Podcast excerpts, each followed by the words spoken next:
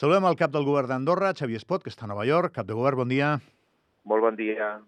Bé, primera pregunta. Eh, impressiona això, no? Eh, dins de les moltes tasques que ha d'assumir un cap del govern d'Andorra, una per la que se sap que ha de passar és per... Eh, encara no li ha tocat eh, aquest cop el discurs, no? És passar per aquesta assemblea, fer un discurs, tot aquest escenari, sí, deu impressionar, no? Sí, sí. Sí, de fet, de fet és, eh, tot i que ja no és el primer any, ja són uns quants anys, malgrat doncs, durant dos anys no vaig poder venir com a conseqüència doncs, de la Covid perquè es feia en format bastant més, més restringit, la veritat és que, tot i que agafis una mica el costum de venir, eh, sempre impressiona, no? És un, és un fòrum eh, enorme on estan representats tots els caps d'estat i de govern, eh, de fet on estan presents tots els caps d'estat i de govern, on estan representats tots els països del món i on realment els, els petits països com Andorra doncs, eh, tenim una, una possibilitat immillorable no? de, de fer sentir la nostra veu i sobretot doncs, de fer contactes que difícilment podríem fer en cas contrari. No?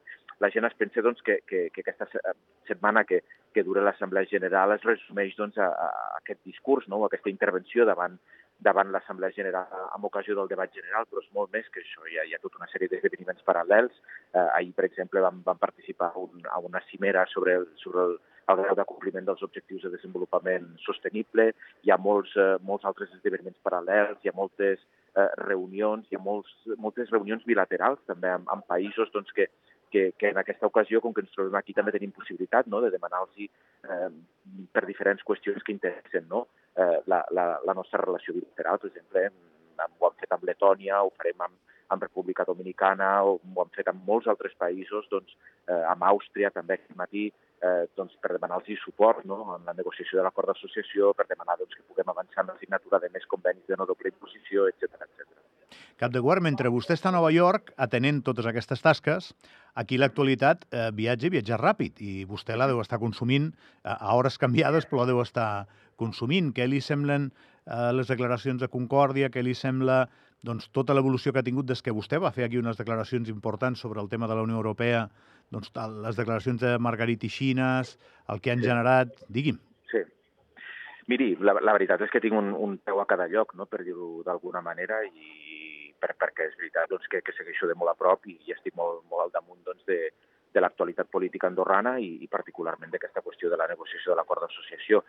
Jo, jo què vol que li digui, no? Evidentment, qualsevol posicionament és, és legítim i, i és respectable, no?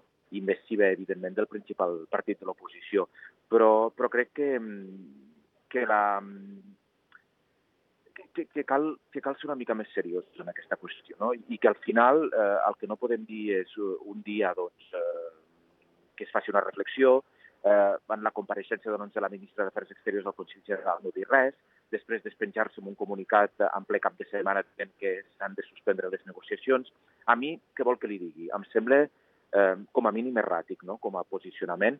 I, I en tot cas, el que sí que li puc dir és que el posicionament del, del govern i de la majoria parlamentària que li dona suport, i m'atreviria a dir fins i tot d'aquelles eh, eh, altres forces polítiques que formen part del pacte d'estat eh, és constant i, i és eh, estable, no?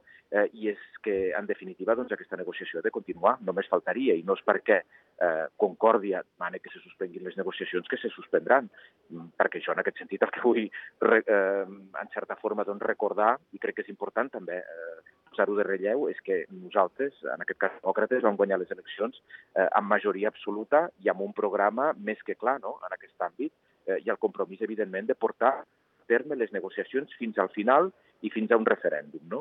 I, a més a més, si, si sumem totes les forces que formen part del pacte d'estat, abans ho deia, no? i que, per tant, subscriuen no? que continuem negociant, eh, estem parlant d'entre un 60 i un 70% dels votants a les darreres eleccions, mentre que les dues forces que demanen suspendre les negociacions, mm, si no vaig errat, totalitzen aproximadament un 35%. No? Per tant, eh, jo no veig per quin motiu la minoria hauria d'imposar el seu criteri a la, a la majoria parlamentària i popular no? alhora quan, quan a més a més eh, no, no hi, ha, hi ha el compromís reiterat i constant de que qui tindrà la darrera paraula en aquest àmbit són els ciutadans i les ciutadanes d'Andorra. Nosaltres simplement el que estem fent és mm, pilotar eh, tan bé com sabem, i crec que els resultats en remeto com a mínim fins a la data, unes negociacions que al final eh, no seran, diguem, el que nosaltres portem, portem a la taula no serà el que s'acabarà aplicant, si no hi ha una, un, un vot favor en referèndum dels ciutadans i de les ciutadanes d'Andorra. Per tant, crec que no hi ha absolutament eh, cap motiu justificat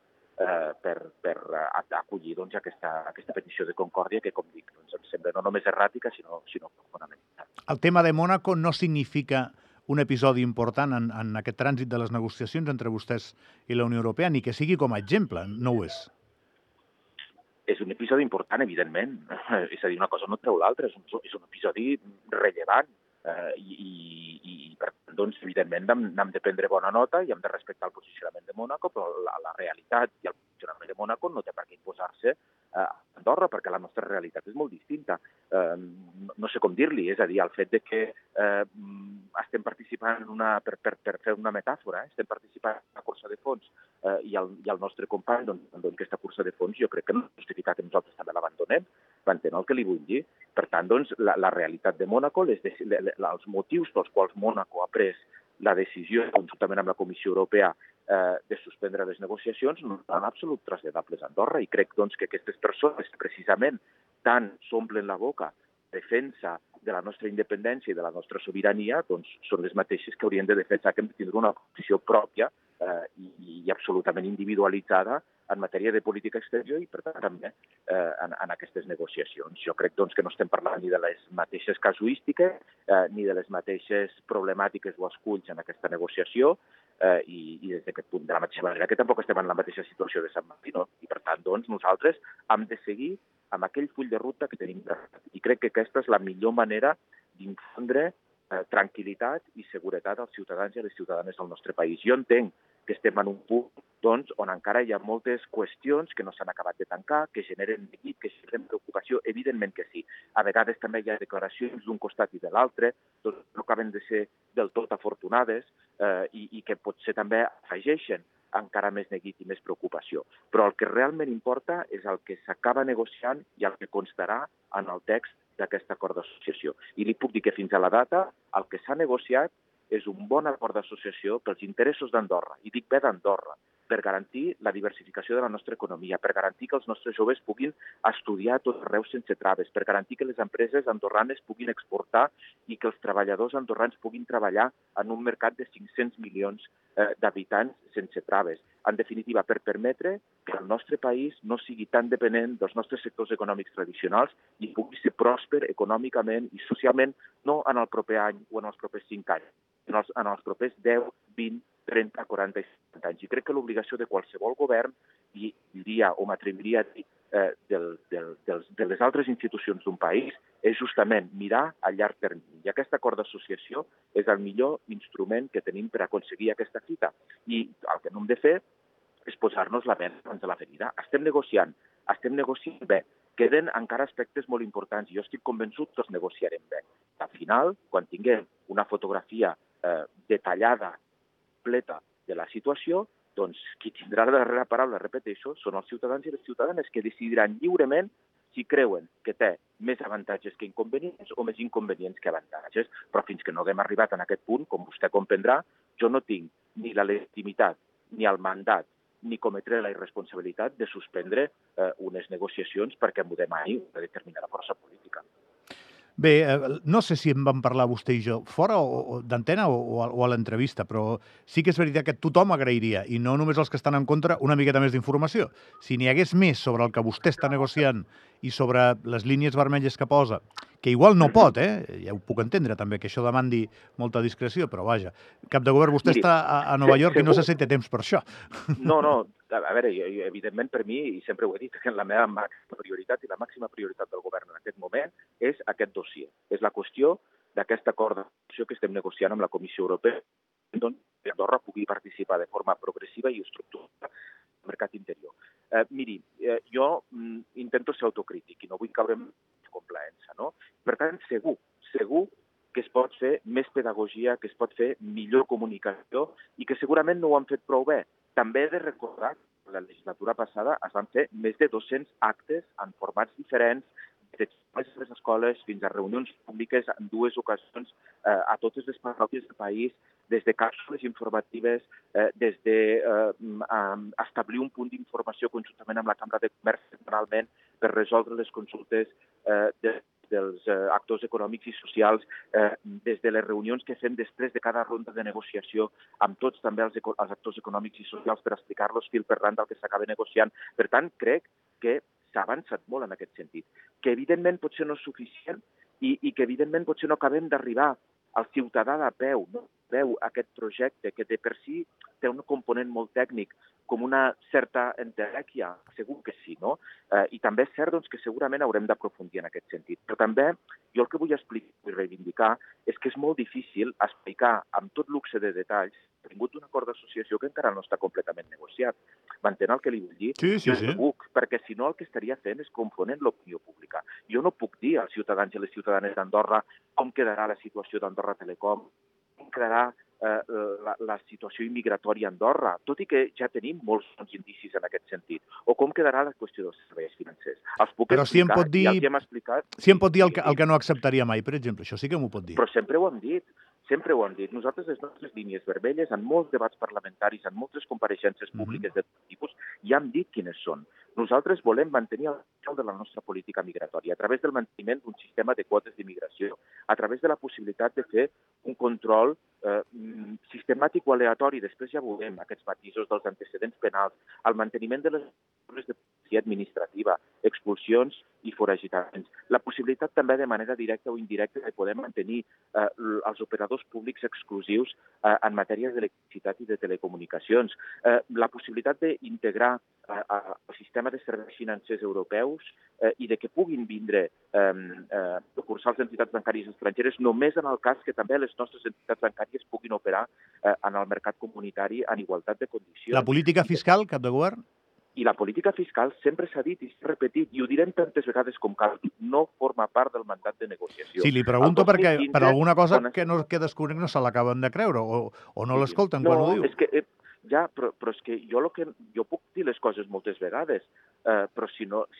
Si, és a dir, al final jo crec doncs, que, que, que la meva paraula té una certa credibilitat. Crec que els ciutadans i les ciutadanes poden entendre que jo no els he enganyat, i particularment en aquest dossier. Per tant, eh, en aquest sentit, han de fer confiança qui els governa i qui porta el timó del país, perquè eh, així ho van rebalar fa un pocs, uns pocs mesos. I crec doncs, que, que si ho van fer és perquè creien que estan capacitat de portar a bon terme aquesta negociació, la nostra paraula val alguna cosa. I en aquest sentit jo els hi he dit, els he reiterat i ho diré fins al final, i això sí que és un aspecte que està clar des del principi, que per tant no hem d'esperar situació de la negociació. Eh, la qüestió de la fiscalitat està exclosa del mandat de negociació que es va aprovar el 2015. Per tant, no és objecte de negociació. La fiscalitat queda feta de l'abast de l'acord d'associació. Per tant, Andorra mantindrà la seva sobirania en matèria fiscal. No ens demanaran d'incrementar ni l'IRPF, les societats, l'IGI, ni cap altre impost, tribut o taxa per raó del fet de pertànyer al mercat interior europeu. Nosaltres no aspirem a ser un estat membre de la Unió Europea. Volem participar de manera progressiva i estructurada en el mercat interior europeu. I això no ens obliga a alinear-nos fiscalment amb la resta de països membres de la Unió Europea. Per tant, des d'aquest punt de vista, que la gent estigui tranquil·la. De la mateixa manera que la gent ha d'estar tranquil·la en el sentit que no suposarà aixecament de les fronteres. Nosaltres no demanem entrar a l'espai Schengen.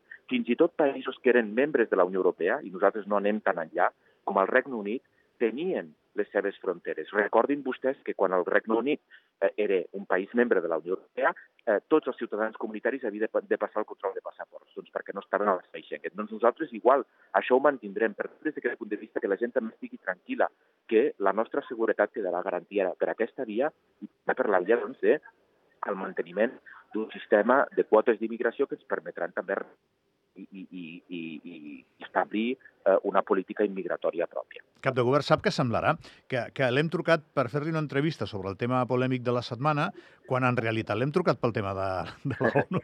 No passa res, l'activitat obliga i, i, i... Que sí, que sí, que sí. No, no, no es preocupi en el sentit de que, de veritat, el que estem fent aquesta setmana aquí és molt important. També és important per aquest dossier, perquè estem fent molts contactes amb molts països membres de la Unió Europea per demanar-los el suport en aquest acord d'associació que volem que sigui un acord que respecti les especificitats d'Andorra. Però també entenc, i la meva prioritat, com li dic, i la del meu govern i de la majoria parlamentària que ens dona suport, és, sobretot ara, en aquest moment, i com a mínim fins al 31 de desembre, i després també fins que ho portem a referèndum, cloure un acord d'associació que sigui bo per Andorra que permeti diversificar la nostra economia, que permeti incrementar els ingressos per fer més polítiques socials, més polítiques sanitàries, més polítiques educatives a favor dels ciutadans i de les ciutadanes d'Andorra. Digui'm en 30 segons d'acabar el seu discurs de demà. De, de, de divendres. Doncs va de tots aquests reptes globals eh, importantíssims, els quals Andorra vol tindre una participació decisiva.